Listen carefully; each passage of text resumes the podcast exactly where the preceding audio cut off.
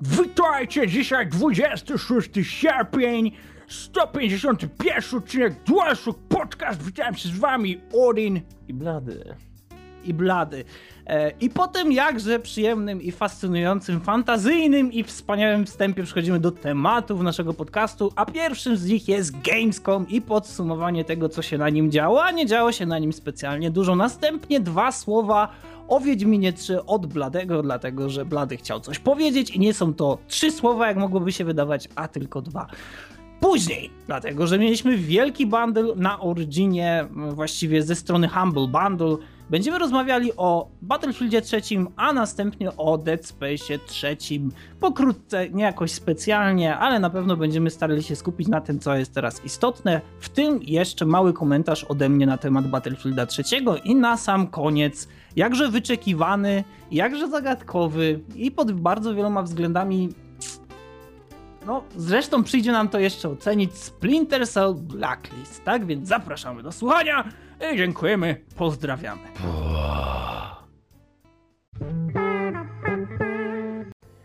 Odinie drogi.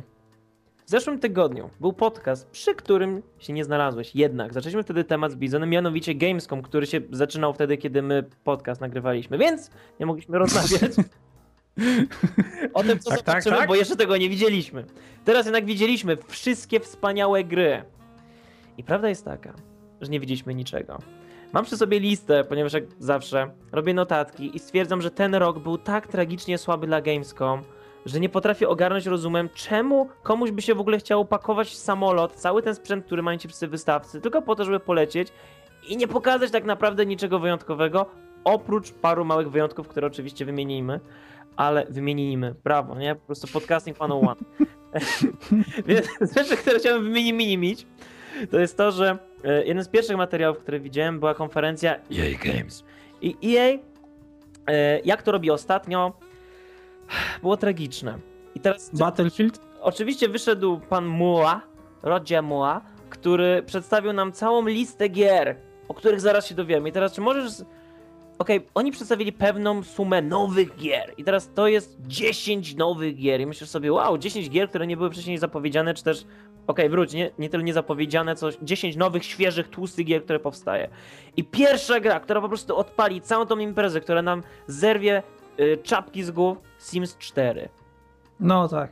Tak. I ogólnie czego by nie powiedzieć, to na Simsy to wygląda spoko. Tylko chcę tak wspomnieć. Jednak Nie żebym grał. nie żebym grał, bo nigdy mi się nie zda, ale nigdy mi się nie zda. Nie no oczywiście, że się zdarzyło. Jednak e, Simsy wyglądają chyba tak, jakby oczekiwali fani Simsów. Jednocześnie wprowadzili parę zmian, których ludzie się raczej nie spodziewali. Mianowicie bardzo teraz ważne będą emocje Sima jakby długoterminowe budowanie jego reakcji na pewne wydarzenia. Że teraz to nie jest tak, że o, palisz się, jest ci źle, ale jak ugasisz, będzie dobrze, jak zjesz kanapkę. Teraz można wyrobić pewne tendencje u Simów, tego jak one będą reagować, zachowywać się w danych pomieszczeniach, jakie emocje będą odczuwali, rata, ta, ta, ta, ta. A, jeszcze wymieniłeś pomieszczenia, a oni teraz zmodyfikowali sposób budowania. E, I teraz budujesz dom na zasadzie budowania pokoi, co jest całkiem ciekawe, dlatego że e, w poprzedniej części, kiedy chciałeś sobie przesunąć jakiś pokój gdzieś, to tak naprawdę musiałeś go zburzyć Tak. i wybudować gdzieś. Nie pytajcie skąd to wiem, no po prostu jakoś... Ja nigdy w życiu nie grałem w Simsy. E, I trzeba było go zburzyć, a teraz będzie można go po prostu skopiować i wkleić w inne miejsce i wydaje mi się, że to jest całkiem fajne. Natomiast nie wiem jak będzie to wyglądało w praktyce, jeśli chodzi o ograniczenia, które będzie taki system narzucał, dlatego że e, w trzeciej części Simsów można było tworzyć ściany, które były ustawione pod kątem, natomiast na tym filmiku ja nie widziałem ani razu, No oni same Żeby- prostokąty po prostu przyciągają. tak, tak, że- żeby pojawiło się takie rozwiązanie tam architektoniczne. Może w DLC, spokojnie, może w DLC. Może. E, No i pokazuje też system tworzenia teraz simów samych w sobie e, poprzez Tak. przeciąganie i można się domyślić, A to jest fajne. ale oczywiście, że jest fajne, ale można się domyślić, jakie będą efekty pierwszych prac. nie, ale już było nawet na tym filmiku pokazane, że można złapać za tyłek, więc tak, Tak, i stworzyć po prostu Monster Ass. dokładnie, więc czemu by nie złapać za coś innego? No ja wiesz, ja, ja, Ja, to są tylko simy. tak, ale ogólnie rzecz biorąc, wiesz co, e, tak długo jak e, może ja tutaj wypowiem się z perspektywy osoby, która miała do czynienia z Simsami, e, ja kiedy grałem w Simsy, te trzy, bo chciałem się zmusić, jak, jakby na to nie patrzeć, to zwykle u mnie cała ta fantazja związana z Simsami kończyła się w momencie, w którym dom był już wybudowany, a moja postać miała pracę. Bo już tutaj zaczynało się tak naprawdę no, monoto, monotoniczne powtarzanie tych samych czynności. I to nie było coś ciekawego, tak więc tak naprawdę już Simsy 3 były wystarczające, jeśli chodzi o ten kreator postaci i, i, te sprawy. Myślę, że po prostu bardziej fajniej by było zdecydowanie i o wiele lepiej dla graczy byłoby, gdyby EA skupiło się właśnie na tych rzeczach, które robi się, mówiąc w cudzysłowie, w endgame, dlatego że e, Simsy na samym początku, kiedy zaczynamy sobie tam kreować swój własny domek i budować swojego Simsa są naprawdę fajne. E, ale potem tak naprawdę to już jest tyle. Ja znam parę osób, które tylko i wyłącznie budowały domy i nigdy nie, nie zajmowały się Simsami, bo chodziło tylko i wyłącznie o budowanie domów. E, I wydaje mi się, że to jest chyba taka bolączka, na którą cierpiały wszystkie poprzednie części Simsów i może czwórka coś zmieni, chociaż szczerze powiedziawszy mam dość duże wątpliwości co do tego. Eee, znaczy ja... Porozmawiajmy o tym, Blady. Simsy, ja myślę, że już powiedziano zostało aż za dużo o Simsach. E, a propos rzeczy, o których nie powinno się mówić, Command and Conquer. E, pokazano gameplay pomiędzy dwoma graczami, którzy mieli niby toczyć jakąś tą walkę, nie? I ogólnie ja nie wiedziałem, że takie gry jeszcze powstają, że ktoś mógłby wziąć święte dla wielu osób imię, jakim jest Command and Conquer, je doczepić do jakiejś takiej hybrydy facebookowej z gameplayem z 80 roku. Po prostu to jest taki tragedion cudowny. Jeszcze prezentacja na zasadzie no, no, teraz dajcie oklaski do naszych chłopaków, którzy będą toczyli ze sobą bitwę, która wcale nie była wcześniej ustawiona. Więc y, wyglądało to co najmniej tragicznie. Zapowiedź trybu kampanii na zasadzie no, teraz będziesz mógł atakować ten punkt, bo mm, źli tam są oni. Więc piękne, po prostu miło patrzeć, co zostało z jakby tej legacy, który zostawiał po sobie Westwood, zobaczyć jak nisko mogła upaść marka i jak nic nie znaczyć teraz na rynku RTS-ów, a właśnie robi to Command Conquer, że nic absolutnie nie znaczy. E, pokazano Dragon Age Inquisition. Super! Otóż po doskonałym odbiorze drugiej części Dragon Age'a wszyscy byli zachwyceni, dowiadując się, że powstaje kolejna część. I jakby sam świat, styl graficzny, wszystko uległo teraz przemianie i padło pewne zdanie, które tam, e, którego się dosłuchałem, mianowicie no, właśnie teraz jeszcze bardziej poszerzamy to spojrzenie na aspekt RPG w naszych grach, a Dragon Age to pierwszy krok na tej drodze. Ja tak, oha, czyli zaraz będzie Mass Effect? Nie! Mówiono jedynie o Dragon Age. E, pokazany jakby ten cały świat i jakby filozofię też troszkę e, jakichś takich modeli koncepcyjnych. Ogólnie, gdyby kogoś nie zawiódł tak silnie Dragon Age 2, a zawiódł każdego, to może by się nakręcił na tą część. Jednak ja myślę, że na tym etapie jak ze wszystkim teraz, jeżeli chodzi o BioWare, trzeba mieć naprawdę ogromny dystans ze wszystkiego, co pokazują. Nie ufać w to, co mówią i po prostu niech czas pokaże, czy faktycznie wyciągnięto lekcję, tak jak pamiętam jakiś szef yy, jakiegoś tam właśnie tego studia, który odpowiada za Dragon Age, pisał na forum BioWare, E, właśnie o tym, że naprawdę słuchajcie, słuchaliśmy waszej, waszej krytyki, słuchaliśmy waszych pomysłów, waszych rad i teraz naprawdę będzie lepiej niż dwójce, za co przepraszamy, la la la la la. Ja myślę, no dobra, no to teraz pokażcie, na czym polegają te różnice, więc e, myślę, że dopóki jakieś nie ma jeszcze gameplayów, opisów mniej więcej, jak będzie wyglądało to dalej, jeżeli chodzi o wybór klas, bo nie pokazali tam, że o, możesz stworzyć tyle set różnych postaci, fajnie, ale czym naprawdę będą się różniły, czy znowu będą trzy zakończenia na koniec, różniące się kolorem. E, Plants vs. Zombies. Super, o tak. Odin, czy to jest jedna z tych gier, o których chcesz słyszeć na targach Gamescom? Y, no, to jest szczerze powiedziawszy, powiem ci tak, ja Gamescom to tak naprawdę kojarzy mi się z takimi firmami jak Zynga, Zynga, Zynga Games Loft, o ile dobrze kojarzę, i inne wielkie kompanie, które napędzają ten rynek. No, Plant vs. Zombies. Jeżeli nie chciałeś słuchać o Plant vs. Zombies, to musiałeś słuchać o Plant vs. Zombies Garden Warfare, czy Mod Och, Garden, yes. czy Battle Ale... Garden, czy Słuchaj, Garden wiesz co, to jest, to jest całkiem fajna gra, jeśli na przykład masz e, tableta, nie wiem po co, ale powiedzmy, że kupiłeś sobie tableta po to, żeby grać w takie proste gry, co jest trochę głupie, ale jeśli już go masz, to, to jest całkiem fajna gra i, i, wtedy można rzeczywiście spędzić trochę czasu klikając sobie tam, wiesz, paluchami, sadząc te nowe rośliny, które tam atakują te zombie. Nie, ja mówię teraz o tej Garden Warfare. Bo Plants vs. Zombies to jest właśnie ta gra, nazwijmy touch and play, tak, gdzie ustawiasz tak, wszystkie tak. A Garden, a co to jest Garden Warfare? To jest strzelanka, gdzie biegasz jako zombie, gdzie biegasz jako rośliny, masz widok za pleców, masz podział na klasy, levelowanie i unlocki różnych dodatków do swoich psikaczy. Super. Więc musisz to, to, musisz nadrobić, tym bardziej, że właśnie też jest obsługa tabletu, bo jak żeby inaczej.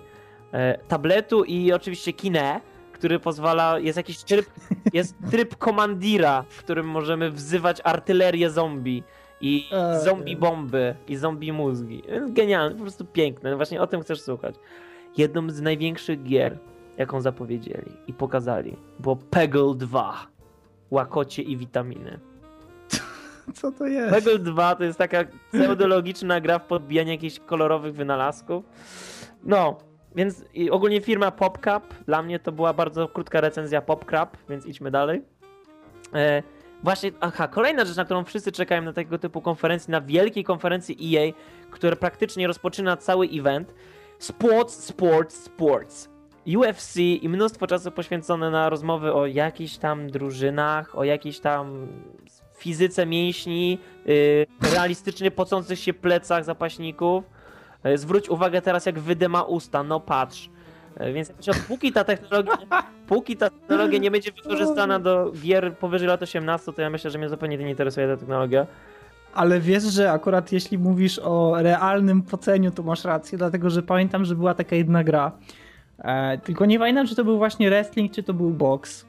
Ale, ale kurczę, wydaje mi się, że to chyba był box, gdzie miałeś coś takiego, że jeśli wystarczająco dużo czasu spędziłeś e, na, e, na ringu jako, e, jako trening, walcząc tam z trenerem, czy z jakimś cieniem, czy nie wiem, z czymkolwiek, tam właśnie to twoja postać zaczynała się pocić i to był mniej więcej wskaźnik tego, ile powinieneś jeszcze czasu spędzić na tym ringu. I było coś takiego, że kiedy już było bardzo dobrze, to koszulka była cała mokra. I to był jedyny wskaźnik, dzięki któremu wiedziałeś, że teraz tak, dokładnie. Więc wiesz, to ma swoje zastosowania. Co prawda. Ale okay. znowuż, czy chcesz o tym słuchać?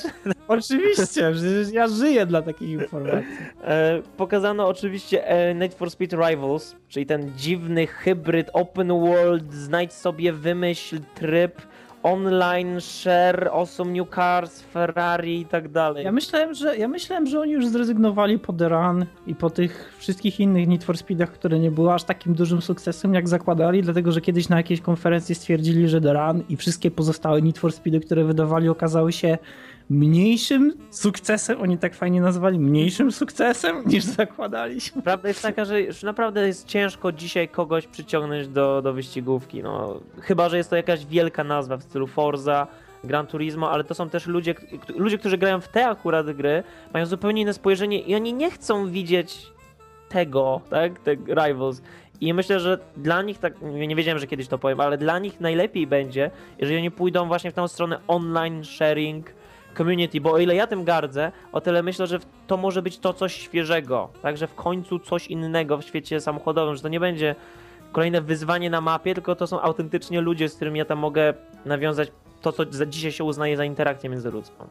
Więc y, ale wiesz co, sama, sama idea tego, że możesz y, pojeździć sobie po jakimś mieście i będziesz widział samochody innych graczy, które tam też sobie jeżdżą i to będzie takie jakby wielkie lobby to może jest fajne, ale chyba tylko i wyłącznie na papierze. Dlatego, że e, szczerze powiedziawszy, to będzie mimo wszystko tak trochę przykro zobaczyć, że wchodzisz na przykład, nie wiem, o trzeciej po południu do tego wielkiego lobby, którym jest to miasto i okazuje się, że ulice są puste i tak jeździsz sobie, jeździsz i nikogo nie ma. Wiesz, to jest tak, no ogólnie idea jest naprawdę świetna gdyby było tyle ludzi online, ile ludzi aktualnie siedzi na Facebooku, to naprawdę to by była wspaniała gra, dlatego że co chwilę byśmy na kogoś napotykali i, i można by było albo się wymieniać jakimiś, nie wiem, tam... Ale cały czas byś dostawał zaproszenia, żeby kupić jakąś tam szpachelkę do Farmville, to też by sensu. Ale, ale rozumiesz, o co mi chodzi, tak, że community rozumiem. musi być strasznie bogate, żeby, żeby zrobić coś takiego, a kiedy, kiedy tych graczy jest no, dość niewiele i kiedy, kiedy ta gra jest e, no, taka online, ale dla wszystkich na świecie i mogą występować te różnice czasowe, że pewna część kraju idzie spać, a inna jeszcze siedzi, a potem jeszcze kontynenty się pojawiają. to będzie tak trochę, nie wiem. Ja, ja, ja, ja ogólnie widzę tutaj potential, ale to jest chyba trochę za daleko idące wyobrażenie, że to się sprawdzi. To jest e, chyba element tej wizji przyszłości, którą chcą nam teraz sprzedać w tej generacji. To jest ta wizja, której my ciągle nie widzimy, tak jak to widzą twórcy, więc. No nic. E, a propos wizji przyszłości, Titanfall, czyli ten wielki Super. shooter z robomechami. Muszę powiedzieć z ręką na sercu, cholernie mi się podobał filmik, który zaprezentowano.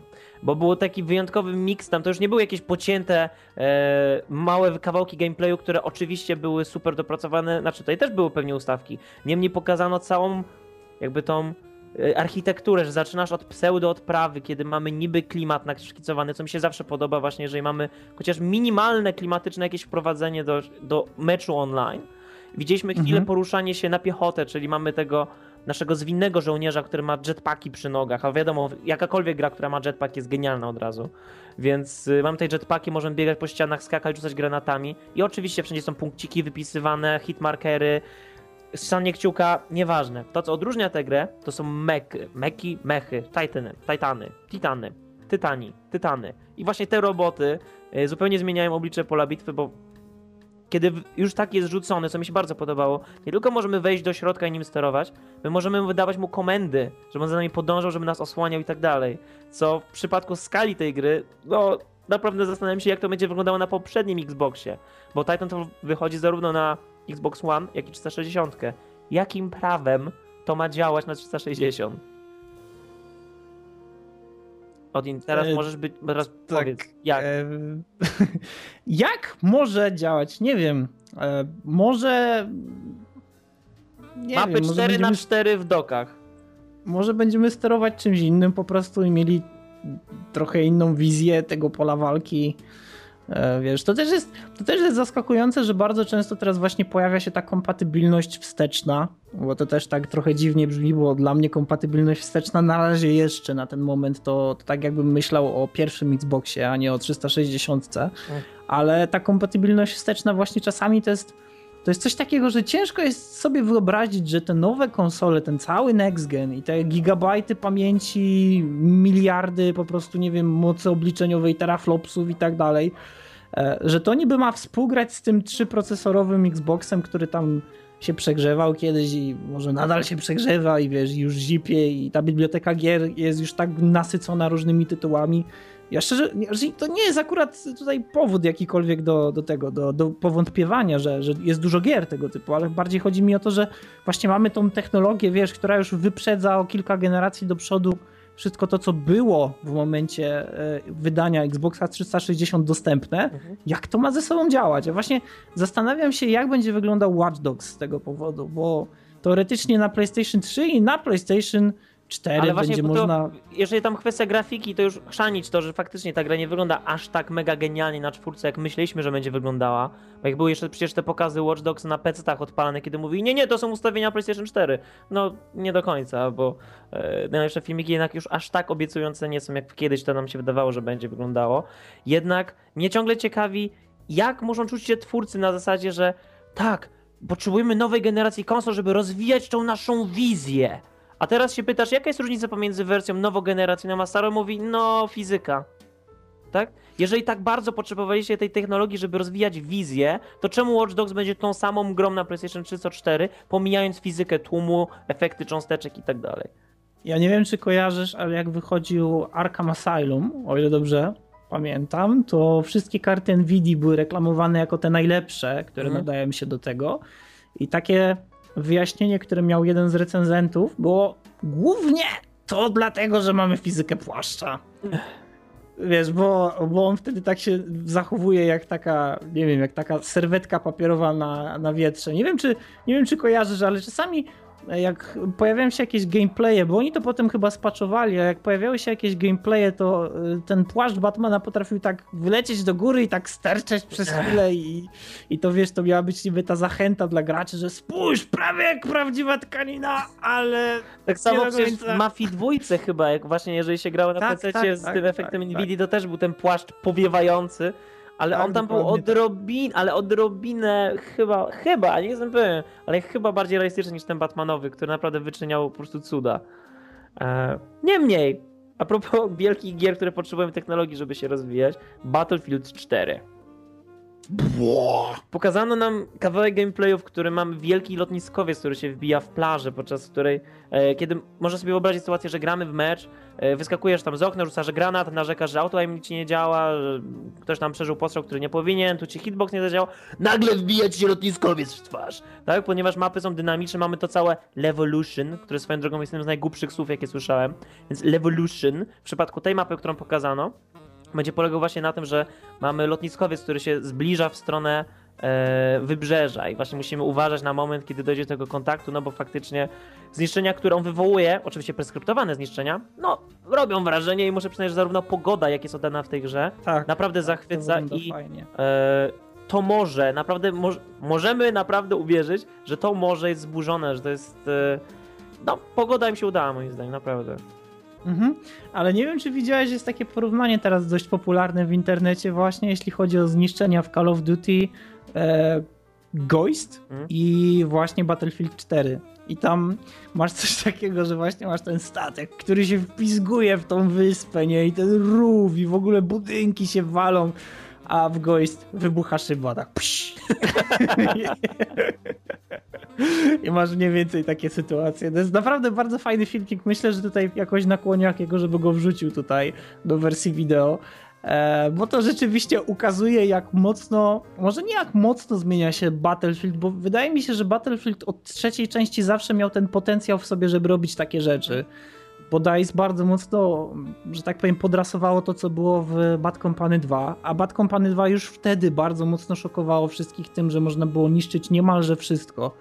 E, I teraz, kiedy dochodzi do tego Battlefield 4, który co prawda preskryptowanie, ale niszczy to w taki bardzo klimatyczny i wręcz kinowy sposób, to naprawdę można docenić ich pracę. Natomiast nie wiem, czy Ghost w ogóle jakkolwiek będzie można teraz porównywać, bo Ale tam jest Wydaje- pies. ja wiem, ale wiesz o co mi chodzi, że em, Battlefield z odsłony na odsłonę robi się coraz bardziej casualowym i może zaczyna wyglądać coraz poważniej. Przynajmniej takie jest moje odczucie. I e, wydaje mi się, że już teraz są. E, jest, jest, dość, jest dość, dość nawet sensownie powiedzieć, że nie ma aż tak dużej przepaści między e, Call of Duty a Battlefieldem. W szczególności od kiedy grałem w trójkę na multi, to tak już u siebie na komputerze, tak o, bo bundel przecież. Mm. E, To naprawdę są takie momenty, kiedy na przykład pojawiasz się na mapie niemalże od razu i e, wydaje mi się, że Call of Duty będzie miał teraz naprawdę trudny i twardy orzech do zgryzienia, bo, bo Battlefield 4 wygląda naprawdę niemalże w każdym calu lepiej i fizyka ryb tutaj chyba nie pomaga. Dobra, fizyka rytmu pomaga.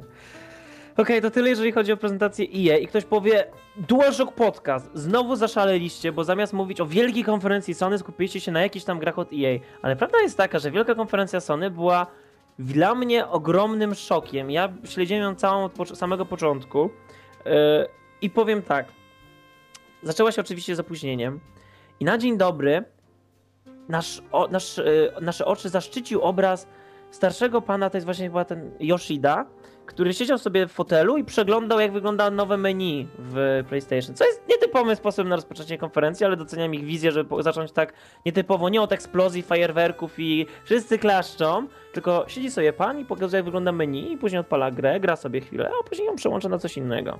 Więc y, spoko, ale na przestrzeni całej konferencji mieliśmy najgorszą obsługę kamery, jeżeli chodzi o takie eventy, jaką sobie można wyobrazić dyrektor czy tam reżyser tego spotkania w ogóle spontanicznie stwierdził, że teraz zrobię oddalenie na salę i zamiast pokazywać gameplay, który ludzi, ludzie oglądali, gameplay, który ja chciałem też zobaczyć, to on robił oddalenie kamery, żeby pokazać jak ci ludzie, wszyscy z włączonymi tabletami i komórkami, patrzą się w ekran, ale my nie widzimy ekranu, nie. Pokazanie tych ludzi jest ważniejsze.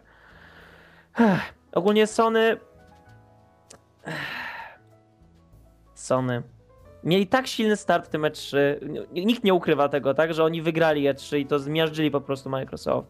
Ale teraz stracili trochę tempa i chyba sobie zdali sobie sprawę z tego, że nie mają wielu super gier do pokazania. Na przykład wiem, że Kojima miał lecieć na Gamescom, ale się nie wyrobił, e, żeby pokazać Metal Gear 5. Nie wiem, czy by pokazał na konferencji Sony, tylko próbuje łączyć fakty. E, I Sony zaczęło małymi kroczkami. Najpierw opowiadali o PlayStation 3, wspominali jakie mają świetne gry. Mówili o Gran Turismo 6, mm, o tym, że powstaje film Gran Turismo. Okej. Okay. Ciekawe. E, mówili o współpracy, jaką nawiązali z Rockstar, jeżeli wychodzi e, teraz GTA 5, to będzie dostępny bundle z headsetem, czy coś takiego, więc zupełnie nikomu niepotrzebne tam jakieś kosmetyczne pierdoły. Mm, I mówili o PlayStation Vita, bo ja nie wiem, ty pewnie też, ale ja na przykład zapomniałem zupełnie, że coś takiego istnieje. Bo PlayStation Vita się pojawił, my mówiliśmy dużo o nim zanim ono wyszło, bo jeżeli chodzi o z technologicznego punktu widzenia jest małym geniuszem. Jednak na to nie ma gier. Więc Sony postanowiło zamiast zmuszać Ubisofty i innych ludzi, którzy są zbyt zajęty, zajęci grami na komórki, e, uderzyć w stronę indie. I zapowiedzieli szereg gier, które doczekają się swoich wersji na e, właśnie Vita. E, zapisałem parę tytułów. O, na przykład zaciekawiło mnie, ok, to nie indie, ale zapisałem sobie Borderlands 2 będzie na Vita. Więc zmieszczenie takiej ogromnej gry na, na Vita pewnie było jakimś tam wyzwaniem. E, zapowiedzieli, że wyjdzie Fez na Vita. Mhm. Co hmm, może Fish jednak całkiem się nie zniechęci, może wróci do robienia dwójki. E, no i zapowiedzieli... nie, ponoć, ponoć się obraził i usunął wszystko, Tak, wiesz? no wiem, słyszałem też taki konto zamknął i już... A, dobra, jego problemy nie są naszymi problemami na razie. E, zapowiedziano obniżkę cen Vity do 200 euro, czyli właściwie do ceny, jaką powinien mieć na starcie, moim skromnym zdaniem. Jednak e, pomijając to, e, pokazano na przykład grę e, Jezu, moje pismo. Miyazaki Baby? Mirasaki Baby. Czy ty wiesz od jakiej że teraz mówię? Nie. E, Baby to jest taki tytuł bardzo nietypowy, stworzony specjalnie z myślą o e, PlayStation Vita. Wiesz jak to brzmi? Wiesz jak to brzmi? To brzmi jak tytuł stworzony specjalnie dla samotnych Japończyków. Znaczy Murasaki Baby to jest bardziej tytuł zrobiony dla e, przećpanych. E, Czy, czyli, czyli byłem całkiem blisko, tak? Znaczy, czekaj, to jest gra zrobiona dla przećpanych fanów yy, takich filmów jak na przykład Labirynt. Bo przynajmniej, nie wiem, jakieś takie odebrałem wrażenie, kiedy zobaczyłem... Yy, jak, jak Labirynt bo? bo? Bo przerwało. Labirynt, jak labirynt... fauna. Aha, okej. Okay. Ogólnie właśnie klimat takiej totalnej psychodeli, zagubienia. Ogólnie gra opowiada o tym, że śledzimy palcem za rączkę małą dziewczynkę w takim przerysowanym, psychodelicznym świecie. E, jest minimalizm, minimalizm, jeżeli chodzi o kolory. E, są ciekawe jakieś tam rozwiązania, z, jeżeli chodzi o perspektywę, pojmowanie świata, ponieważ cała gra jest mm, jako platformówka 2D, jednak często coś w tle się dzieje. Na przykład musimy poruszać wiatrakiem, który jest gdzieś tam hen na horyzoncie, żeby zmienić kierunek wiatru na pierwszym planie. I ogólnie gra mi się bardzo podoba z tego właśnie względu, że wygląda jak rzecz, której byś nie mógł wydać na normalną konsolę, bo często kiedy patrzysz na gry na Vita, to się pytasz, czemu bym nie miał w to grać na PlayStation. A to jest właśnie gra, aha, robiona specjalnie z myślą o wykorzystaniu tych wszystkich czynności. E, no ale oczywiście nikt nie też odpala konferencji Sony, żeby się dowiadywać, co nowego w świecie Vity słychać. E, tylko co słychać w świecie PlayStation 4. Nic nie słychać. To jest, to jest, krótka, to jest krótka recenzja. E, zapowiedzieli znowuż ogromną współpracę, jeżeli chodzi o Indy. I na przykład przed podcastem powiedziałeś mi, Odinie, że ciebie ciekawi, że pojawi się remaster gry Binding of Isaac. Możesz jakoś ten naszkicować, jak to wygląda? E, tak. E, ja ogólnie rzecz biorąc e, przespałem Gamescom, tak więc nie wiem jak będzie wyglądał redesign. Ja myślałem, że to będzie po prostu kolejna część. E, znaczy, to ma być taki remake o remaster, ale mi chodzi o właśnie, żebyś o, o tej oryginale, podstawce. Aha, bo ja nie to dobra, no to w takim wypadku e, Binding of Isaac to jest taka, mm, można powiedzieć, e, platformówka albo taka zręcznościówka chyba to by była, e, to by był lepszy tytuł, lepsza nazwa dla tej gry, która jest tak naprawdę mm, w założeniach bardzo prosta, dlatego że poruszamy się tylko i wyłącznie góra, dół, lewo, prawo jednocześnie jesteśmy w stanie, o ile dobrze kojarzę, bo chyba nie ma obsługi myszki, bo grałem już niemalże 8 miesięcy temu, ale strzałkami e, kierować, e, w którą stronę chcemy strzelać, tak więc możemy strzelać i poruszać się niezależnie od tego, e, no, niezależnie, tak. I tak naprawdę rzut izometryczny, albo właściwie taki rzut z góry, wszystko jest niemalże 2D, tam nie ma elementów 3D. Gra jest e, napisana i zrobiona we Flashu, tak więc e, może to już dawać jakieś wyobrażenie tego, jak to wygląda.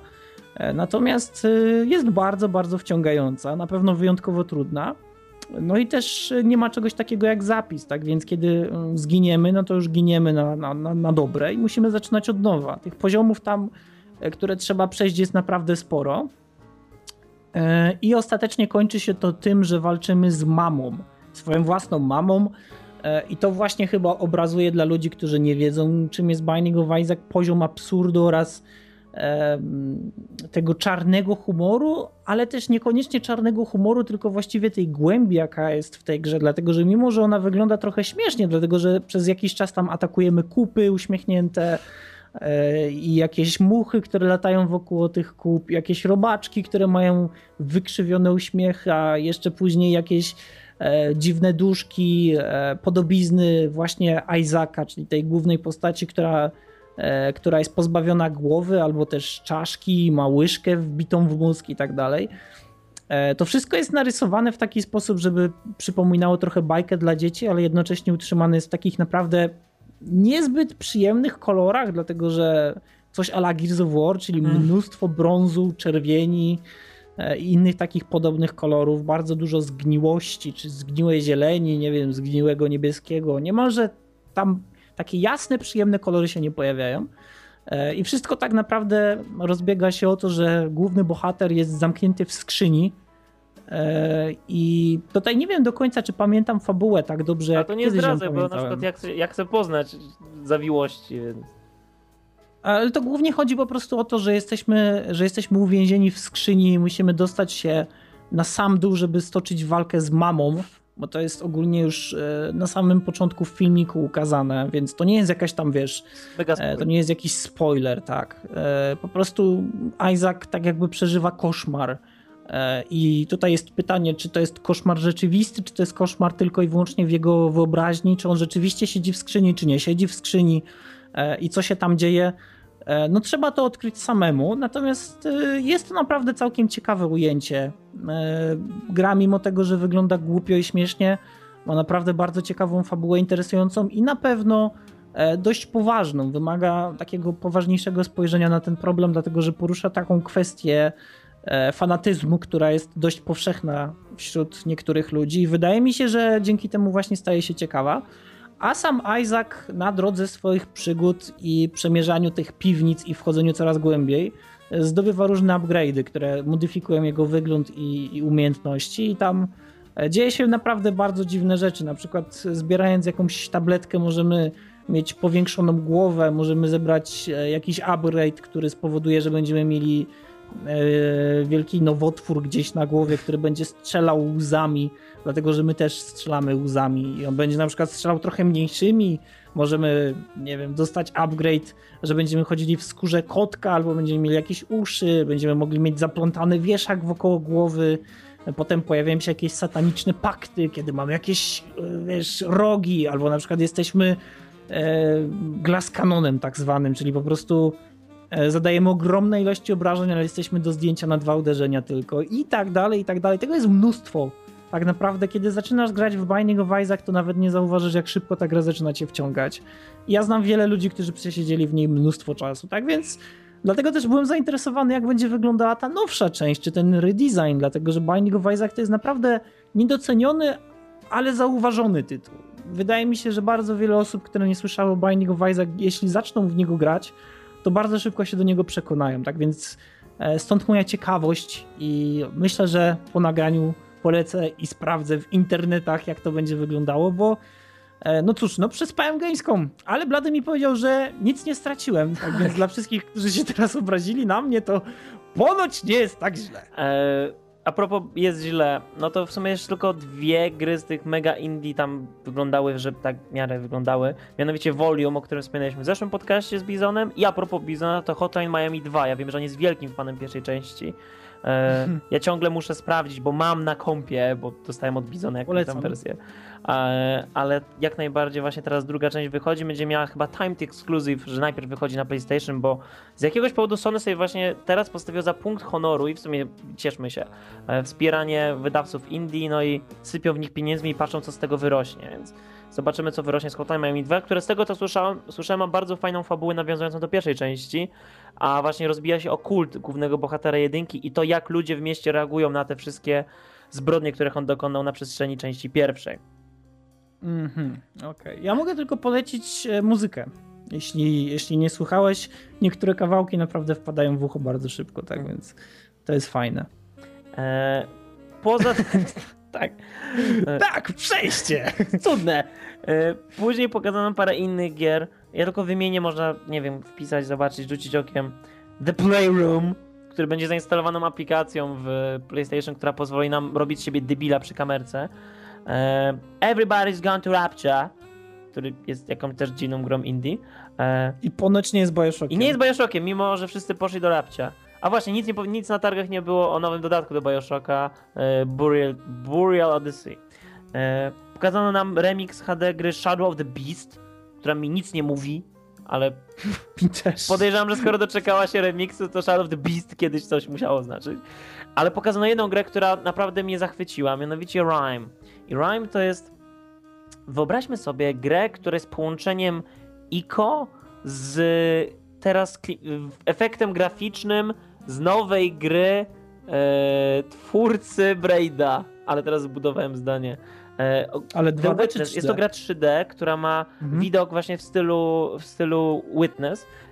Mianowicie, że te kolory z taką, mają bardzo silną saturację, żółć jest bardzo żółta, mamy takie czyste A tereny. przypomnij mi, co to jest Witness? Czy to było... To z przesuwaniem um... tych kolorowych plamek. O ja cię to już nie pamiętam. No ale nieważne, to sobie zaraz sprawdzę. E, więc e, najpierw polecam ci sprawdzić właśnie Rise. Rime, Rise, kurwa. Rime. Rise, Rise, Rise. Rime, ponieważ... A, patrz jak przeszliśmy do Batmana. Uuu. Myślę właśnie, że Rime to będzie takie połączenie Icos, Journey w klimacie graficznym Witness i myślę, że to jest bardzo dobre połączenie i jestem ciekaw, co z tego później wyrośnie. E, co do dużych gier, no to naprawdę czy kogoś jeszcze obchodzi Watch Dogs, które ciągle o nim słyszymy, czy kogoś jeszcze obchodzi Black Flag, o którym cały czas słyszymy? E, powiem ci tak, ja bardzo mocno zniechęciłem się po tym, jak zobaczyłem ten gameplay. E, I zobaczyłem nie w trakcie trwania Gamescomu, ale już po. I szczerze powiedziawszy, jak bardzo mocno rozczarowuje mnie Assassin's Creed, ale nie dlatego, że liczyłem na to, że pojawi się coś nowego, ale sam fakt tego, że tam się faktycznie nic nie pojawia, to nie jest to, że wiesz, moje oczekiwania są w kompletnej rozbieżności z tym, co zostaje wprowadzone do tej gry. Że pojawia się nowy content, ale on mi nie pasuje kompletnie. Tam praktycznie nie pojawia się nic nowego. Oprócz e, walki statkami, która jest ponoć ciekawa.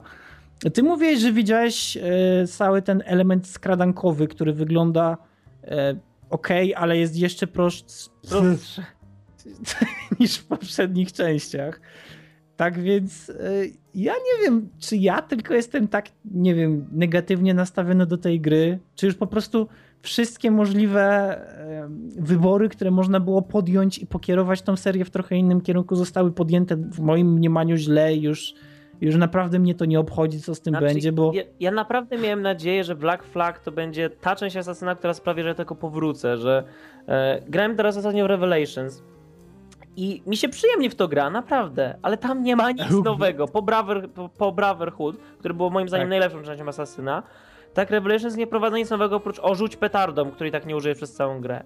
Więc y, kiedy wychodziło Black Flag myślałem, wow, macie piratów, macie Karaiby czy jakieś inne Iby, y, macie podróże statkiem, macie abordaże, macie podziemne, te podwodne jaskinie do zbadania, to musi być ciekawe. Okej, okay. nie. Znaczy, wiesz co, wygląda gameplayowo. Gameplayowo to naprawdę wygląda fajnie, dlatego że widziałem na przykład właśnie podróżowanie do tych e, jaskiń, które są tam pod ziemią. No i tam wiesz, tam się bujasz po tych, po tych wodach i, i przed rekinami się chowasz za skałą i tam raz na jakiś czas się pojawi jakaś ośmiorniczka.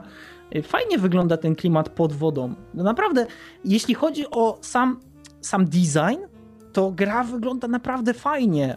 Przyciąga ale oko. ten gameplay jest, jest jeszcze łatwiejszy tak, ale to, ale to wy... O jest, kurwa, to samo! I to jest największy problem, że ja naprawdę chcę zobaczyć w Assassin's Creed coś więcej. Jeśli nawet gameplay pozostaje identyczny, to żeby fabuła się rozwijała, Jaka a fabuła brodzi w głównie już od dwóch części i nie chcę z niego wyjść. I pytam, dlaczego?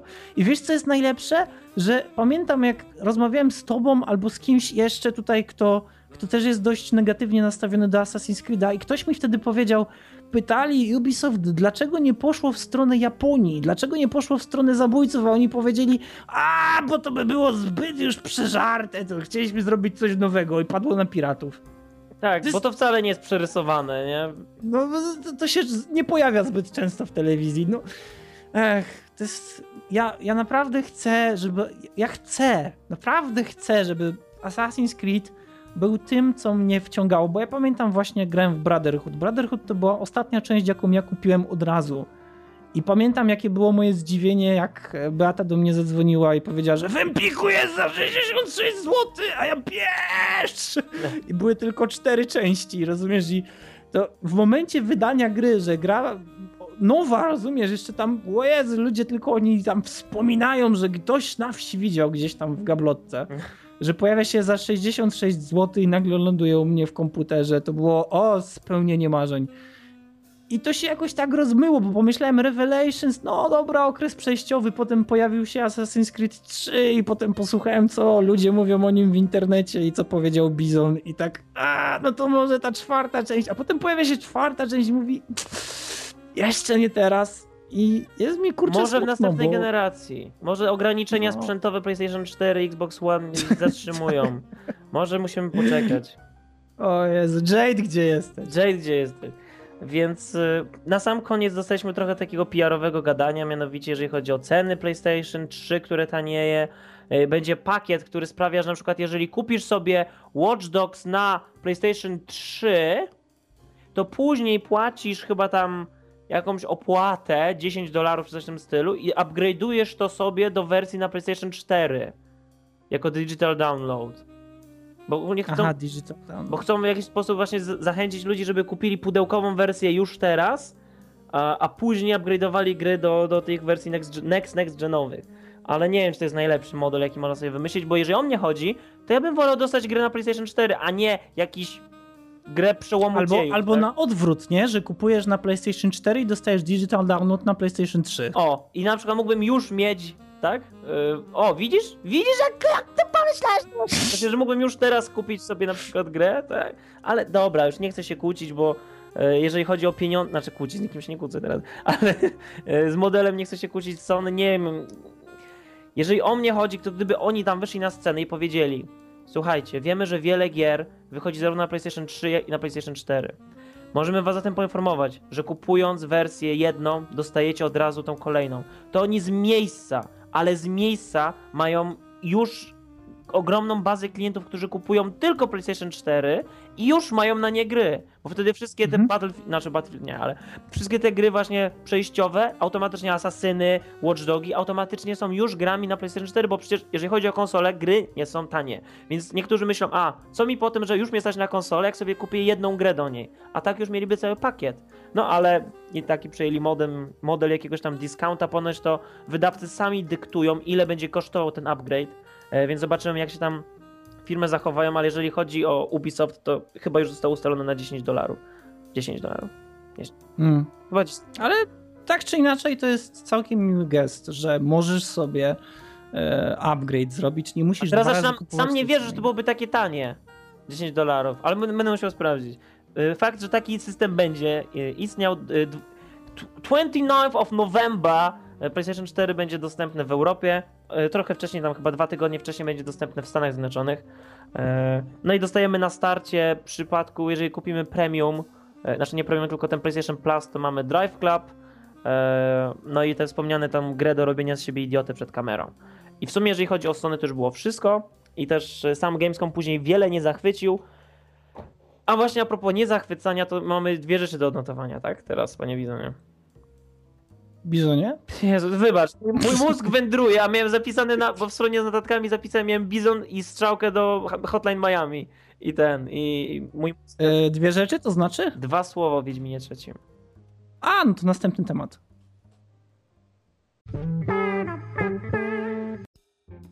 Okej, tak więc drugi temat. Naprawdę mocno się rozgadaliśmy o Gamescomie. Wydawało mi się, że będzie znacznie krócej. Tak więc Blady, ponoć chcesz wymienić, wysłowić, e, nie wiem, dać ludziom znać, że coś chcesz... Nie wiem, no dwa słowa Wiedźminie 3 Blady. Charles Dance. Dziękujemy, Blady. Nie, ale teraz tak mogę wytłumaczyć. Ogólnie, tak. e, jeżeli chodzi o Wiedźmina na targach, to e, no nie pokazano nam zbyt wiele. Pojawiły się nowe screeny, gdzie widać tam Geralda jadącego na koniu, walczącego e, z jakimiś żołnierzami, czy tam jakimiś żołdakami na Skelditch, e, podróżującego, walczącego i wszystko fajnie, wygląda dokładnie tak, jak chcemy, czyli cudownie. Mm, pojawiło się parę preview, bo nie, niektórzy recenzenci, na przykład z Destructor czy IGN-u mieli okazję zagrać znowuż e, Wiedźmina i spisać swoje relacje i oczywiście są zachwyceni. No wiadomo, w końcu Wiedźmin. No dobra, przepraszam, za bardzo się podlizuję. Niemniej, co złego, tak? Nie dostaliśmy żadnego wielkiego traileru, który by nam pokazywał jakąś wyjątkową eksplorację, nowe lokacje, gameplay. A szkoda, bo to była dobra okazja, by pokazać teraz coś takiego. E, no i ogólnie pokazano grę planszową Wiedźmin na, na targach. E, I wydawała mi się, że to będzie, wydawało mi się, że to będzie sposób, żebym stracił kolejne tygodnie z życia, bo po, poza graniem komputerowym gram też planszówki. E, I Wiedźmin, jak tylko zobaczyłem planszówkę Wiedźmina, to stwierdziłem, okej, okay, no to straciłem parę miesięcy z życia, jednak nie wiadomo nic chyba na tym etapie o mechanice. Można stwierdzić, że pudełko wygląda ładnie, więc w ten sposób pokazali grę planszową Wiedźmin. No ale CD Projekt jest znane z tego, że jak już wydaje Wiedźmina, to w ładnych pudełkach. Yy, ale dwa słowa, które wspomniałem na początku, czyli Charles Dance. Jedną z potwierdzonych informacji jest to, że w angielskiej wersji Wiedźmina za Emer, hap, hap, hap, czyli Emer, przywódca Nilfgardu tańczący na kurhanach swoich wrogów, E, w angielskiej wersji otrzymał głos Charles Dance. I teraz Charles Dance to jest postać, to jest aktor, którego możemy znać z serialu e, Gra o Tron, gdzie się wciela w przywódcę rodu Lannisterów, wielkiego, otwartego, dominującego nad wszystkim, e, mocarnego arystokratę. Więc jakby z samego opisu już wiadomo, że będzie idealnie pasował do, do, do roli Emera. I w sumie zaczynamy się teraz zastanawiać, czy będzie można grać całą grę po polsku, ale Emer będzie mówił po angielsku, bo wtedy mógłbym i słyszeć Rozenka jako E, jako Geralta i słyszeć Charlesa Dance jako Emera. E, niemniej uważam, że bardzo dobry wybór, jeżeli chodzi o aktora, bo sam aktor, który pokłada, podkłada głos za Geralta, on gubi bardzo często głos. I, I szkoda, bo ten jego zwykły, jak mówi tak monotonnym, tym harczeniem barytonowym, jest spoko. I dość Geraltowy, ale no czasem traci. Więc mam nadzieję, że teraz, jeżeli chodzi właśnie o wersję angielską Wiedźmina, to się naprawdę postarają, bo no nie po to ludzie grają w polską grę osadzoną w słowiańskim świecie fantazy, żeby słyszeć Szkotów jako krasnoludy, przynajmniej ja tak uważam. A, więc jeżeli od tego by odeszli bardziej skupili na lepszej właśnie angielskiej wersji, to może Wiedźmin by się stał jeszcze większym sukcesem, a przecież celują właśnie w to, żeby Wiedźmina za granicą lepiej wypromować. O. Tak, tak, tak. Ja mam takie pytanie, to w takim wypadku, skoro krasnoludy muszą brzmieć jak Szkoci, to jaka rasa będzie brzmiała jak Ruscy? Elfy. Wysublimowane, grające na lutni. You think this bad neighborhood? Dobrze, dobrze. Next topic.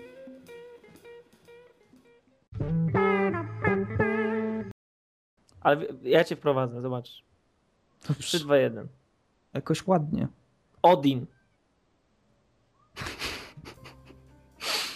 Tak. Battlefield 3.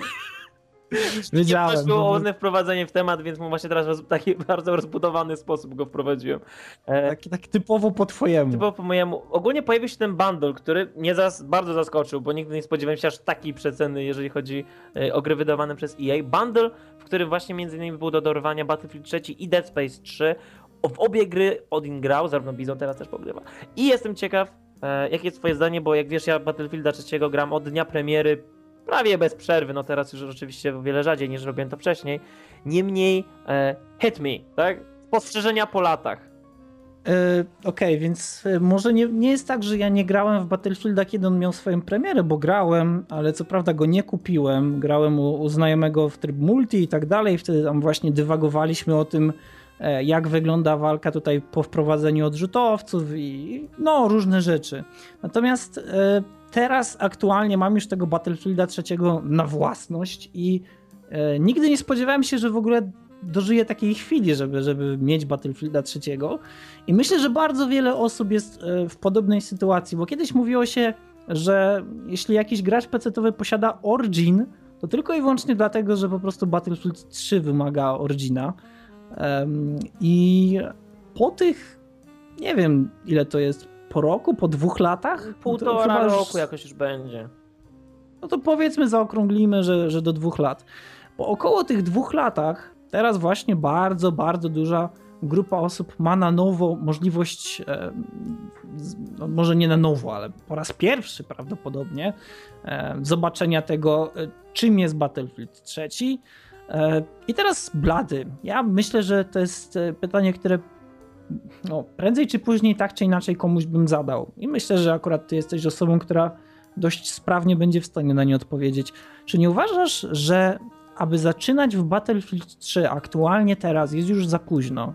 Że natrafimy na zbyt dużą ścianę, jeśli chodzi o rozrzut tego, co mają inni, jaki ekwipunek, e, taktyki, ludzie, którzy są już tak doświadczeni, wiedzą jak strzelać, jak się poruszać, że to po prostu nie będzie już to samo, co gdybyśmy e, zaczęli na samym początku, kiedy ten Battlefield 3 miał swoją premierę? Nie.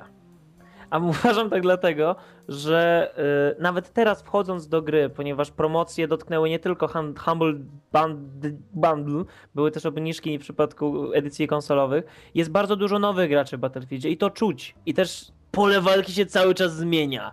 I był taki moment przejściowy, pamiętam, kiedy wyszedł premium i się grało niemal wyłącznie z tymi graczami premium, to faktycznie, gdyby ktoś wtedy chciał się dołączyć, to byłaby no, gigantyczna bariera. Bo już nie tyle chodzi o sprzęt, bo jest bardzo wiele podstawowych broni, które e, są naprawdę dobre na przestrzeni całej rozgrywki.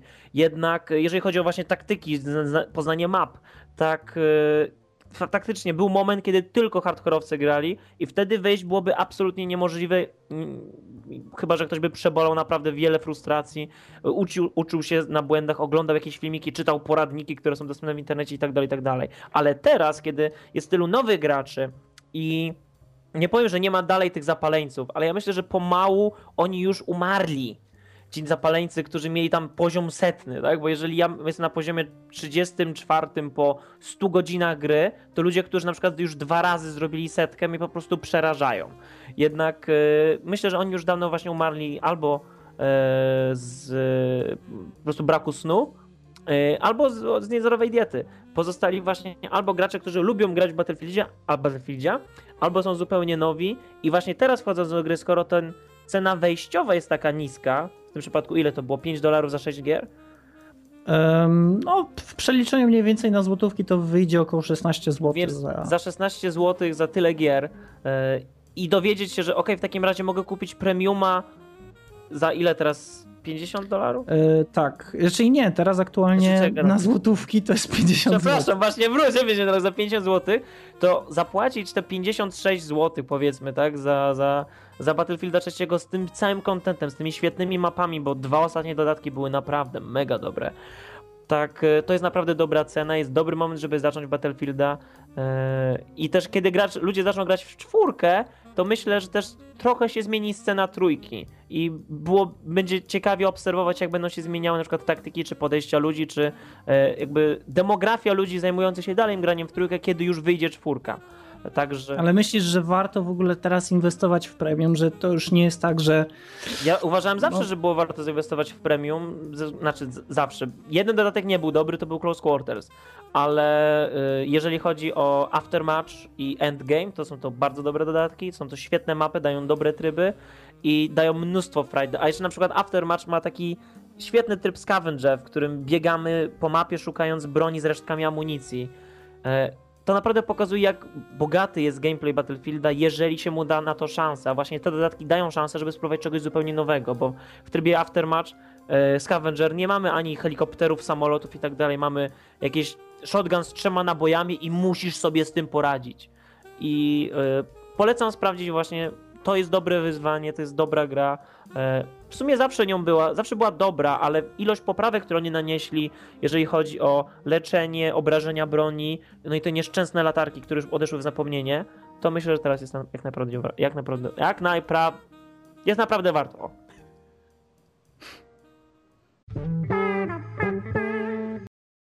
Tymczasem jednak zaczekaj Odinie ty mój, ponieważ jest jeszcze jeden temat, o którym nie powiedzieliśmy, jest Dead Space 3. Ale nam dzisiaj to naprawdę dziwnie idzie. E, Dead Space 3. E, nie grałem, znaczy grałem teraz już po bundlu. E, tak jak prawdopodobnie, nie wiem, z 2 miliony ludzi teraz już. Nie wiem, jakie jest aktualnie tam, jak wygląda ta lista osób, która, która, które zakupiły bundla. Aż sprawdzę. Bumble, bumble. Tak czy inaczej, Dead Space 3 okazał się, no to jest prawie 2 miliony. Dead Space 3 okazał się dla mnie wyjątkowo ciekawym tytułem. Aż jestem zdziwiony, dlatego że dwójka była czymś naprawdę fajnym w porównaniu do jedynki, bo jedynka mnie mocno znudziła, dwójka była o wiele bardziej e, survivalowa, o wiele bardziej. Um, no, mogła cię przestraszyć w wielu momentach. Miała e, ciekawe, bardzo fajne scenerie, bardzo ciekawą grafikę, ujęcia, które były no, zapierające dech w piersiach, szczególnie ten sam koniec i niektóre momenty, kiedy było dużo różnych dziwnych wybuchów albo jakichś wizji.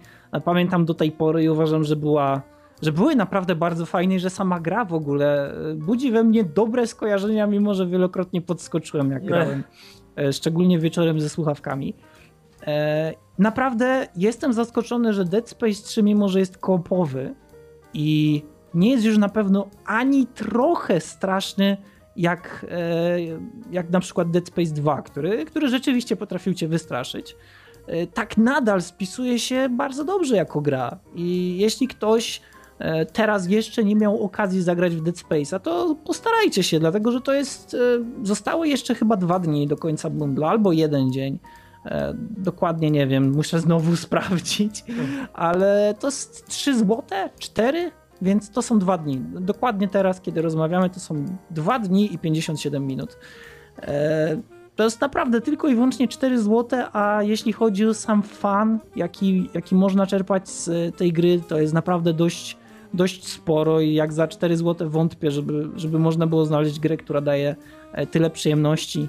E, trzymając się ogólnie tego klasycznego podejścia do Dead Space'a, mamy znowu cutscenki, które, które są naprawdę fajnie wyreżyserowane i, i prezentują nam Isaaca w bardzo ciekawych sytuacjach. Ogólnie sceneria bardzo mocno się zmienia w porównaniu do, do drugiej części. Teraz mamy o wiele bardziej obszerny etap, kiedy poruszamy się w kosmosie i E, I to jest naprawdę bardzo fajne. Ja tutaj nie chcę za bardzo się rozwodzić nad tą grą, dlatego że może jeszcze uda mi się zrobić pełną recenzję, bo jeszcze jej nie skończyłem.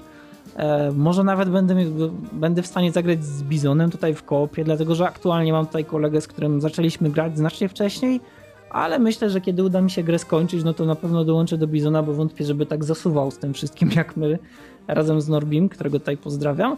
E, tak czy inaczej polecam, naprawdę. Jest e, bardzo wiele fajnych scenerii, fajnie się na tą grę patrzy, fabularnie to jest nadal Dead Space, tak więc dalej staramy się dowiedzieć, czym są markery i o co tak naprawdę chodzi z tym wszystkim, tak więc e, jeśli nie wymagacie od Dead Space'a 3 tego, co pojawia się w Dead Space drugim, to myślę, że się na pewno nie rozczarowuje, nie rozczarujecie, a, a to jest w końcu koop, tak więc, e, tak więc dużo dobrej zabawy, bo myślę, że ja już chyba teraz jestem w stanie powiedzieć niemalże na pewno, że dla mnie koop stał się takim MMO trochę, bo już nie gram w MMO, ale jak widzę koopa to bardzo chętnie.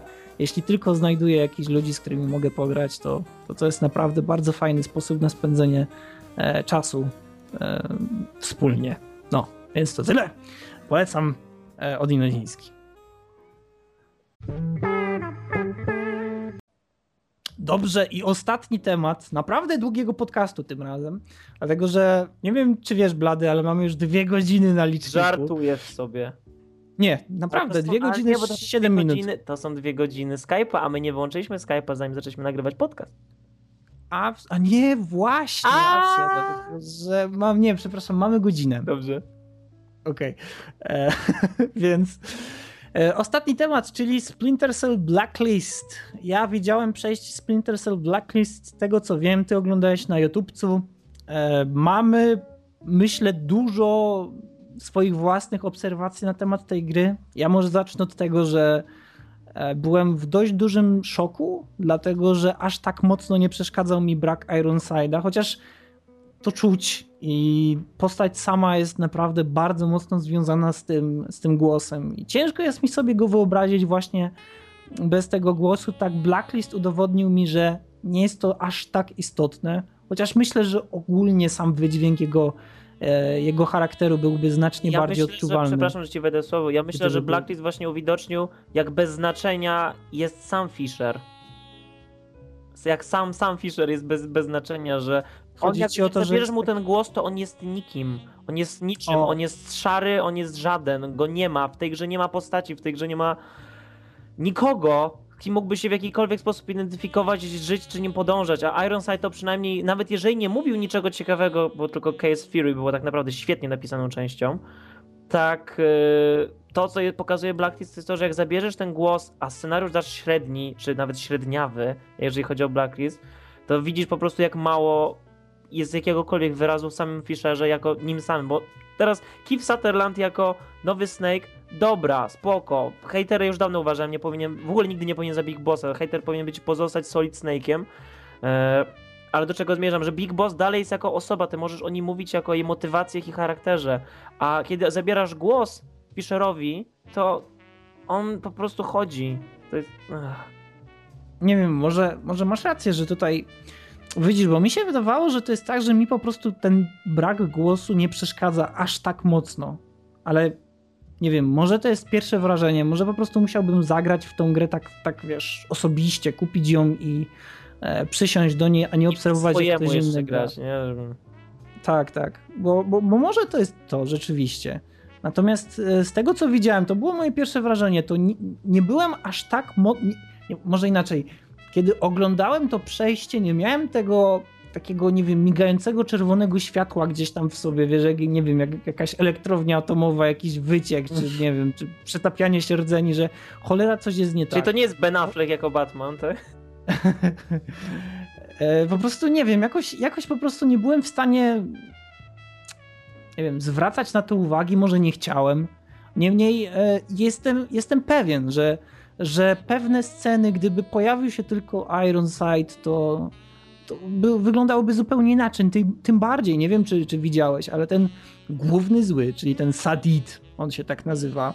E, tutaj mam nadzieję, że się nie pomyliłem.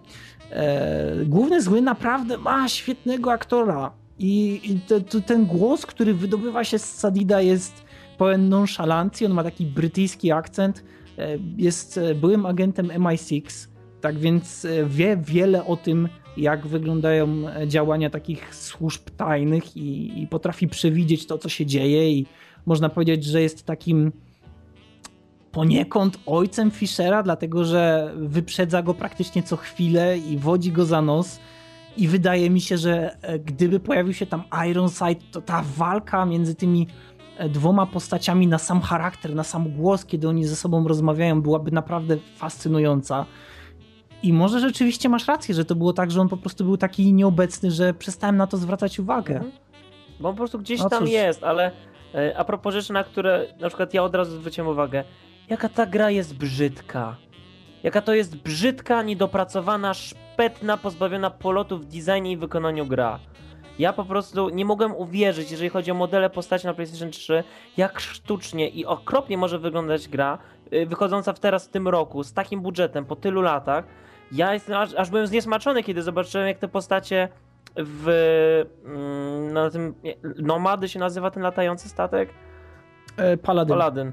E, On, oni są po prostu brzydcy, oni chcą to maskować tym, że tam jest zawsze ciemno i oni są zawsze w takim półmroku, ale jeżeli chodzi właśnie o, o teksturowanie, o e, fakturę powierzchni, to to jest, to jest gorszy poziom niż moim zdaniem Double Agent na y, z- tej samej jeszcze generacji. Ja się, Ale wiesz co, mi się wydaje, że Double Agent ogólnie był i, i na pewno jest ładniejszą grą i już to samo mówiłem przy ale jak to Conviction, brzmi, że nie? Że Conviction, tak? To jest poprzednie, a my mówimy, że dwie gry temu, to nie, nie mówię, że ktoś mi powie, o nie, zobacz, tu jest inne oświetlenie, tu jest fizyka, ale chodzi o pierwsze wrażenie, jak patrzysz na grę. Jak to jest zaprojektowane, jak to jest ukazane, jak, jakie są filtry graficzne. Patrz na Blacklist i ja mówię, o nie, o nie. Znaczy, chyba najbardziej widoczne to jest w momencie, kiedy uruchamiamy ten ekran kustomizacji, czyli tam zmiany ustawień tego, z jakim ekwipunkiem wyruszamy. Dlatego, że teraz przed każdą misją, prawie że, tak mi się wydaje, e, chyba tylko nie tą pierwszą, takim można powiedzieć niemalże samouczkiem, Hmm. ale przed każdą inną misją jesteśmy w stanie uruchomić sobie taki ekran, gdzie jesteśmy w stanie wybrać, zakupić nowe ulepszenia i tak dalej, i tak dalej. I tego jest rzeczywiście dużo. I, i, i tutaj widać, że że Tom Clancy niby chyba chce, nie wiem czy w ogóle Nie, on on coś już nie ma ma do nic, teraz gadania. jest tylko nazwa. Aha, no dobra, no to widać, że Ubisoft chce tam wrzucić jakby ten e, taki smaczek, czy, czy, czy tą możliwość tego, że jesteśmy w stanie zmienić sobie zbroję i czuć się tak trochę bardziej indywidualnie. Natomiast e, niektóre elementy po przybliżeniu, na przykład kiedy zaczynamy bawić się pistoletem i zaczynamy zmieniać jego ustawienia, albo na przykład rękawiczki, albo buty, które jesteśmy w stanie zmienić, rzeczywiście widać tam, i to dość mocno widać na wersji PlayStation 3, że, że to są jednak takie trochę rozmazane tekstury i ta siatka, ona nie jest jakoś specjalnie ładna i te sznurówki wyglądają śmiesznie i, i te rzepy w ogóle nie wystają i to wszystko jest taką jedną płaską teksturą. Ja szczerze powiedziawszy, nie wiem, nie, nie przeszkadzało mi to aż tak bardzo, ale teraz widzisz, Blady, ty to jesteś taki kubeł zimnej wody, bo teraz, kiedy mi zaczynasz o tym mówić, to rzeczywiście w Double Agent to wyglądało lepiej. I nawet to... ja się pójdę jeszcze dalej. Jeżeli tworzysz postać głównego bohatera, którego widzimy przez 100% gry, a on ma gorsze oteksturowanie i mniej mm, odstających, nazwijmy, elementów uporządzenia niż Snake w Metal Gearze trójce na PlayStation 2, to naprawdę coś robisz nie tak. E, I jeżeli właśnie chodzi, i teraz coś powie, blady czepiasz się grafiki. Nie, ja się czepiam braku kompetencji e, ze strony Ubisoft w tym momencie, bo to jest po prostu dla mnie niekompetentne to, jak oni zrobili modele postaci w tej grze, nie mówiąc o teksturach podłoża e, i niektórych, no dobra, same otoczenia są w porządku, E, szczególnie noc mi się podoba, bo znaczy to nie jest też taka prawdziwa noc, jak rozmawialiśmy w zeszłym podcaście przy, przy okazji Dying Light, ale ciemność jest spoko, na pewno lepsza niż Conviction. E, mhm. Jednak same misje w dzień, kiedy widzisz tego naszego głównego bohatera, który jest cały czas na pokazówkę. Jeszcze ja bardzo doceniam to, że ma, nie mamy prawie prerenderowanych pokazówek, że zawsze to jest ten sam yy, ma ten model, który my mu wybraliśmy sprzęt na misję, tak? Więc mamy to, tak jak mówisz, to poczucie spersonalizowania głównego bohatera, że o, on na pokazówce jest tak ubrany, jak ja go ubrałem, fajnie. Tylko czemu nie jest taki brzydki? Wiesz co, chyba bardziej z tego wszystkiego, już jak e, z grafiki, dlatego że akurat wydaje mi się, że na to, na to aż tak specjalnie nie zwracałem uwagi. E, bardziej chyba przeszkadzała mi sama, no może sam gameplay, nie sama gra, bo tutaj chyba za bardzo przedobrzył, ale sam gameplay. I zaraz wytłumaczę o co mi chodzi. Natomiast jeśli chodzi o um, samo otoczenie, to szczególnie pod sam koniec gry, e, albo kiedy już zbliżamy się do końca, to to otoczenie zaczyna wyglądać naprawdę ciekawie i oferuje nam e, bardzo zróżnicowane sposoby dostania się e, w konkretne miejsce, gdzie mamy przybyć. Więc, e, więc to jest akurat fajne, dlatego że w poprzednich częściach, szczególnie Double Agent, ja potrafię policzyć na rękach, na, na palcach jednej ręki, że no, w niektórych misjach były trzy możliwości pojawienia się tak naprawdę trzy drogi, które można było obrać i, i jedna była tą bardziej ukrytą, dwie były bardziej oczywiste. Natomiast e, tutaj pojawia się jednak możliwość tego, że możemy kombinować i nawet gra zaczyna doceniać to, że zaczynamy kombinować i dostajemy e, takie dodatkowe punkciki i ona nam mówi, że o, exploration, masz tu plus 100, nie? Więc to jest takie, o, widzę, że zauważasz, że staram się gdzieś zajść jakąś wiem, mniej uczęszczaną drogą.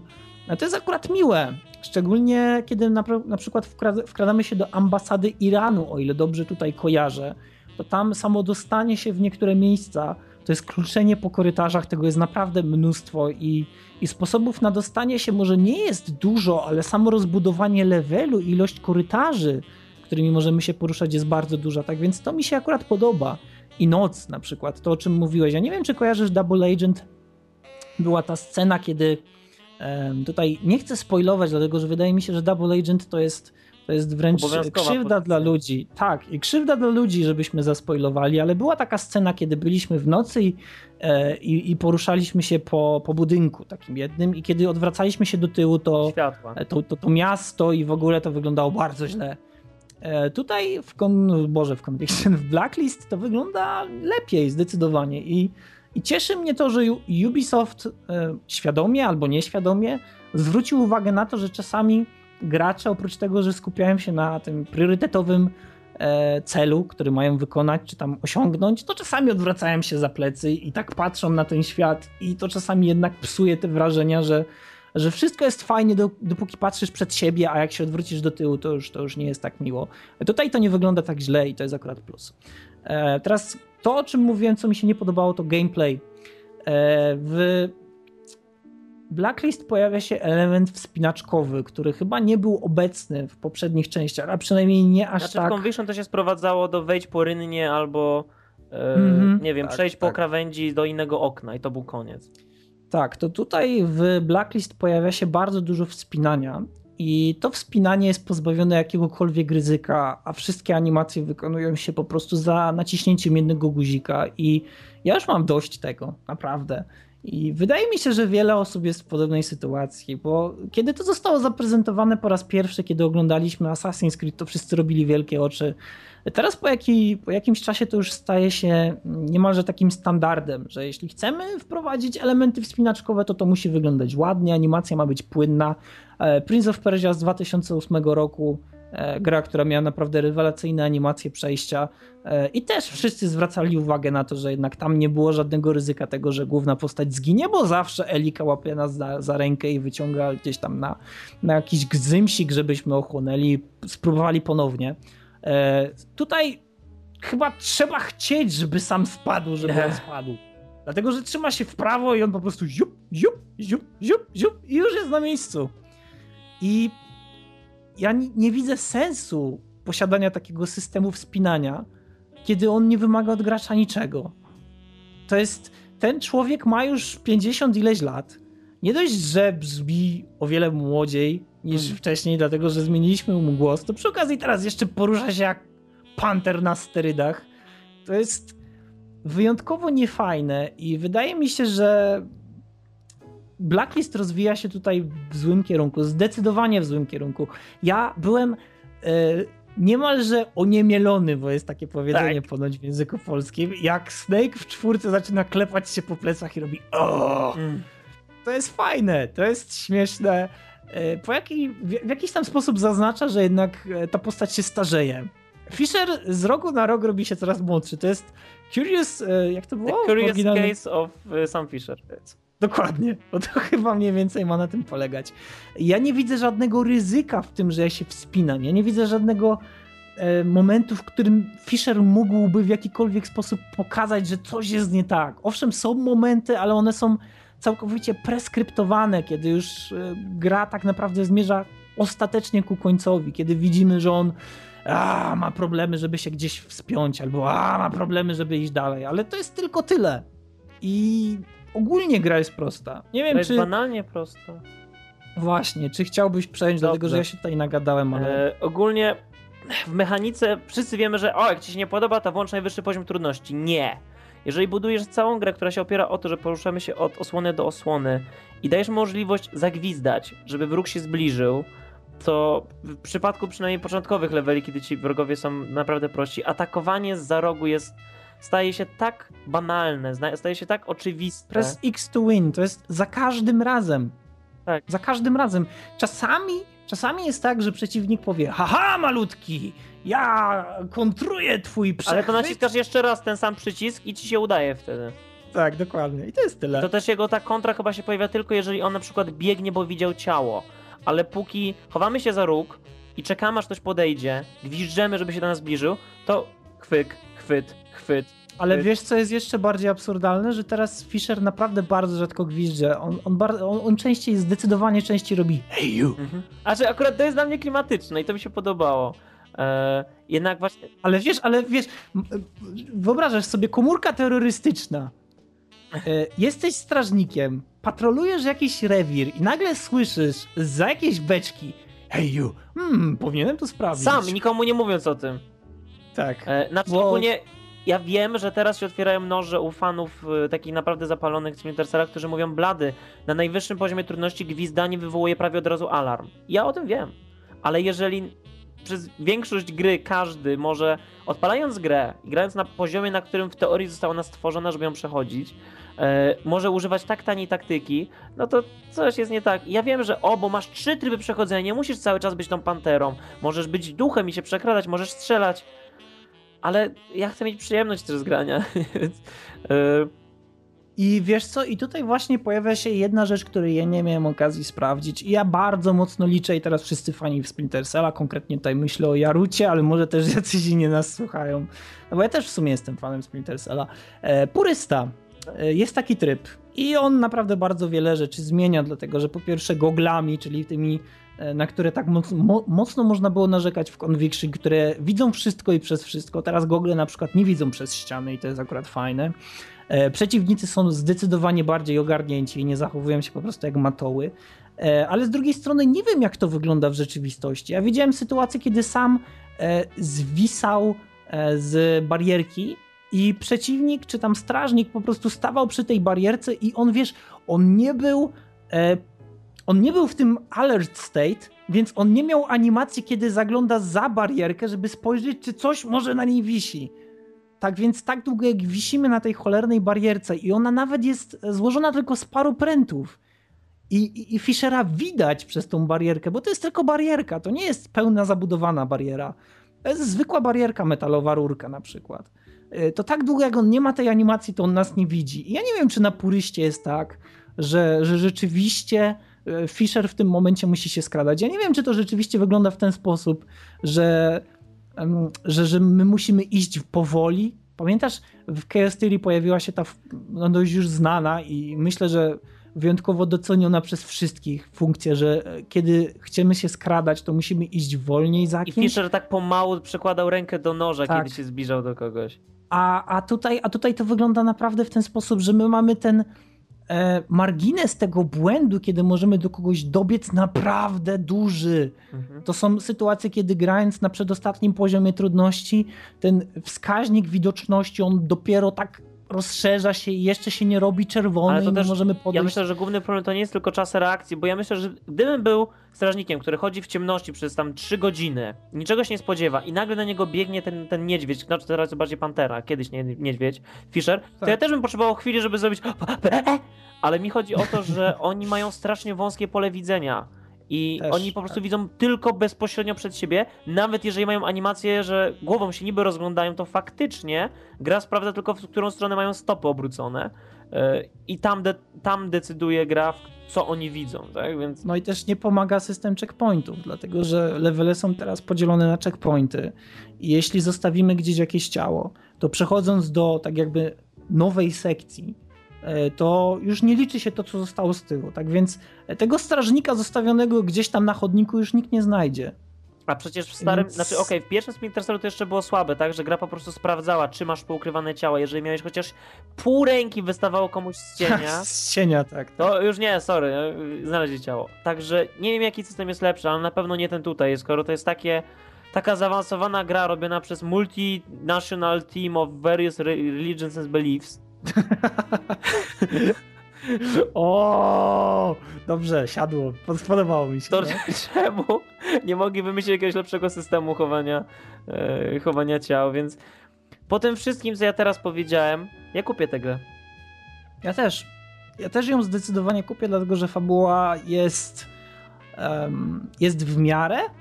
Jest chyba najistotniejsze e, w całej fabule, która jest niespecjalnie rozbudowana jest to, co mówi Sadit na sam koniec. Ale nic nie mówi, nic nie mówi. Tego, oczywiście, i tego nie mam zamiaru mówić. E, I wydaje mi się, że to daje podstawę do kolejnych części, które na pewno będą ciekawe, ale na miłość boską e, Ironside, no naprawdę. Bo, bo, bo, bo to jest smutne, kiedy Grimm's Daughter mówi tym samym głosem od części, przez część, przez część i nagle pojawia się jakiś koleś, który ma zbyt wysoki głos, który ma zdecydowanie za mało doświadczony głos, to ja mam nadzieję, że zostanę właśnie w tym wszystkim, w tym przeświadczeniu, że ten głos mi aż tak bardzo nie przeszkadza. Mam szczerą nadzieję, dlatego że kiedy o tym myślę, to, to jednak boli. Znaczy ja bym chciał teraz uargumentować, czemu potem, bo ja do tej pory mówiłem samą i tylko i wyłącznie krytykę, e, czemu i tak kupię mi się cholernie podoba teraz ten w ogóle schemat. Ja uwielbiam schemat, w jakim jest ta gra zrobiona, że wracamy na ten statek po misji, że możemy pochodzić i porozmawiać. Oczywiście, że Mass Effect. Ale też gameplayowo e, przypomniał mi e, teraz Peace Walker, Peace Walker z tym właśnie odblokowywaniem sprzętu i możliwością odtworzenia sobie misji e, na zasadzie, co by było, gdybym wtedy miał ten noktowizor. Tak? Jakby szukanie innych rozwiązań. No tak, tak, masz teraz cele nawet, które wyłapujesz. Wiesz, ja, ja jak widziałem tego, że. Raczej tego, Boże. Jak ja widziałem to, że masz em, przeciwników, których musisz pojmać, to ja od razu sobie ten balon przypomniałem. Tak. To by było naprawdę świetne. Więc jest, jest, dużo ciekawych rzeczy i teraz te wszystkie postacie, które pojawiają się na statku mają też dla ciebie misje takie swoje Poboczne, osobiste. tak? I za ich wykonanie tak. odblokowujemy jakieś nowe rzeczy. Ja wiem, że to jest taki typowy grinder ta gra, że e, tak. to, to w recenzji na Game Trailers to zwrócił Bloodworth na to uwagę, że e, tak, czyli sam jest częścią największej organizacji, która ma powstrzymać zamach na Stany Zjednoczone, ale nie dadzą mu pieniędzy na nowe rękawiczki. Nie, on musi sam wykonać 6 misji, żeby go było stać na nowe rękawiczki, tak? E, ja bym wolał po prostu, że jakiś tam system właśnie black market, także musisz sobie sam zdobyć jakoś fundusze na te rzeczy z czarnego rynku, ale nie na, nie za podstawowy sprzęt, ale mimo wszystko to jest przyjemność odblokowywania nowych rzeczy w grach, o ile Wiesz co, ma... tam jest system, tam, tam jest system takiego... Ale też jest takiego zwykłego odblokowywania właśnie czarny rynek, ale chciałbym, żeby to było bardziej rozbudowane i bardziej fabularnie uzasadnione. Ja wiem, że to jest na siłę przyciąganie długości gry właśnie przez to, że a odtwórz to misję jeszcze raz, spróbuję przejść na 100%, żeby sobie coś lepszego kupić. Ale jeżeli te rzeczy, które odblokowujesz mają realne przełożenie na gameplay, bo to nie są piórka z Assassin's Creed, tak, które niczego nie zmieniają. To nie są skrzynie, gdzie są 3 dolary, które tak nie potrzebujesz. To jest naprawdę fizycznie przedmioty, są misje dla ludzi, którzy później skomentują tą misję. To są w pełni przygotowane poboczne zadania. E, no i ten cholerny statek, który też może rozbudować nowe jakieś tam sektory uruchamiać, dostawać możliwości tam właśnie wzywania jakichś tam e, rekonesansów, rakiet, bomb, e, turtli. Więc e, choćby dla... No i też, e, też e, fajna rzecz, przepraszam, kiedy gra się kończy, to tak naprawdę się nie kończy, dlatego że nadal sobie chodzimy po statku. To Fisher to kwituje mniej więcej tym, że tak, tak, fajnie, fajnie, ale mamy dużo pracy jeszcze do zrobienia i jest dalej ten ekran właśnie tego całego świata i te wszystkie misje, które tam są tak, dostępne. I właśnie tak, ta, ta, ta dalej masz tą jakby, tak jak w Peace Walker, tak zachętę, że a wróć sobie i zobacz, teraz masz taki super sprzęt, zobacz co by było, gdybyś robił te dawne misje z, z tym sprzętem, więc e, mi się to skradanie jest jakie jest, ale też można dużo doczerpać przyjemności z omijania wrogów i gra nawet nagradza bardzo sowicie za całkowite omijanie wrogów, bo ilość punktów, które możemy dostać za wymienięcie strażników jest o wiele większa niż ogłuszenie ich lub zabicie. E, ja myślę, A szczerze powiedziawszy nawet nie wiem, wydawało mi się, że jest taka sama. Ja? Dostajemy e, za zabicie z ciemności tam chyba 100 punktów, za ogłuszenie z ciemności chyba 150 czy coś takiego, a na przykład za ominięcie trzech strażników 1000 punktów. Więc. No, okej. Okay. Więc jak najbardziej zachęta jest. Ciekawe, kto to liczy, nie? tak, tak, Fisher, hmm, nie? Wydatki, nie? Właśnie na statku trzeba musi być jakiś DLC, gdzie wchodzisz do pokoju, tam jest taki Scrooge McDuck, który siedzi na stosie złota i wydziela w zależności od tego, jak nam idzie. Tak, znasz ten kawał, że przychodzi chciwa baba do, do apteki i mówi, czy ma pani tabletki na chciwość, a aptekarka mówi, tak są. To baba mówi, to poproszę, ale dużo, dużo, dużo. No, tak więc yy, yy, Blacklist, sprawdźcie. To jest kolejny Splinter Cell, który jest yy, niczym nowym. E, na pewno ludzie, którzy mieli kontakt z poprzednimi częściami, znajdą się tutaj e, jak najbardziej w trybie purysty, który ponoć zmienia bardzo wiele rzeczy i jeszcze będziemy musieli poczekać, aby to sprawdzić, bo e, musi stanieć, przynajmniej w moim przypadku. No ale tak czy inaczej, na pewno interesujące um, interesujący redesign Fishera. Mm, nie wiem czy dobry, mm. nie wiem czy dobry, ale... Interesujący. No, to jest kolejna część, no hurra i, i, i to tyle, no. Więc y, ostatni temat. To był ostatni temat. Tak właśnie.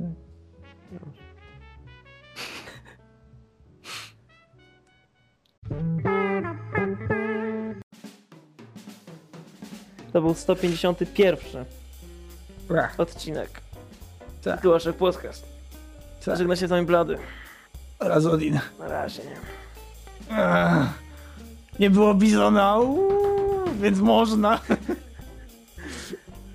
Jak sam tu powiedziałeś. No, Prędko jest maniana, nie? Tak, jest maniana, nie ma Bizona, dawaj. Blady and Odin podcast. Wiesz, to jest, ja sobie to wyobrażam, że siedzą ludzie i tylko ściągają odcinek i patrzą, kto występuje. Wiesz, bo masz DualShock Podcast numer, myślnik i na przykład jest Bizon Odin Blady, nie? I oni widzą tak, Odin Blady, usuń. no. Okej, okay, więc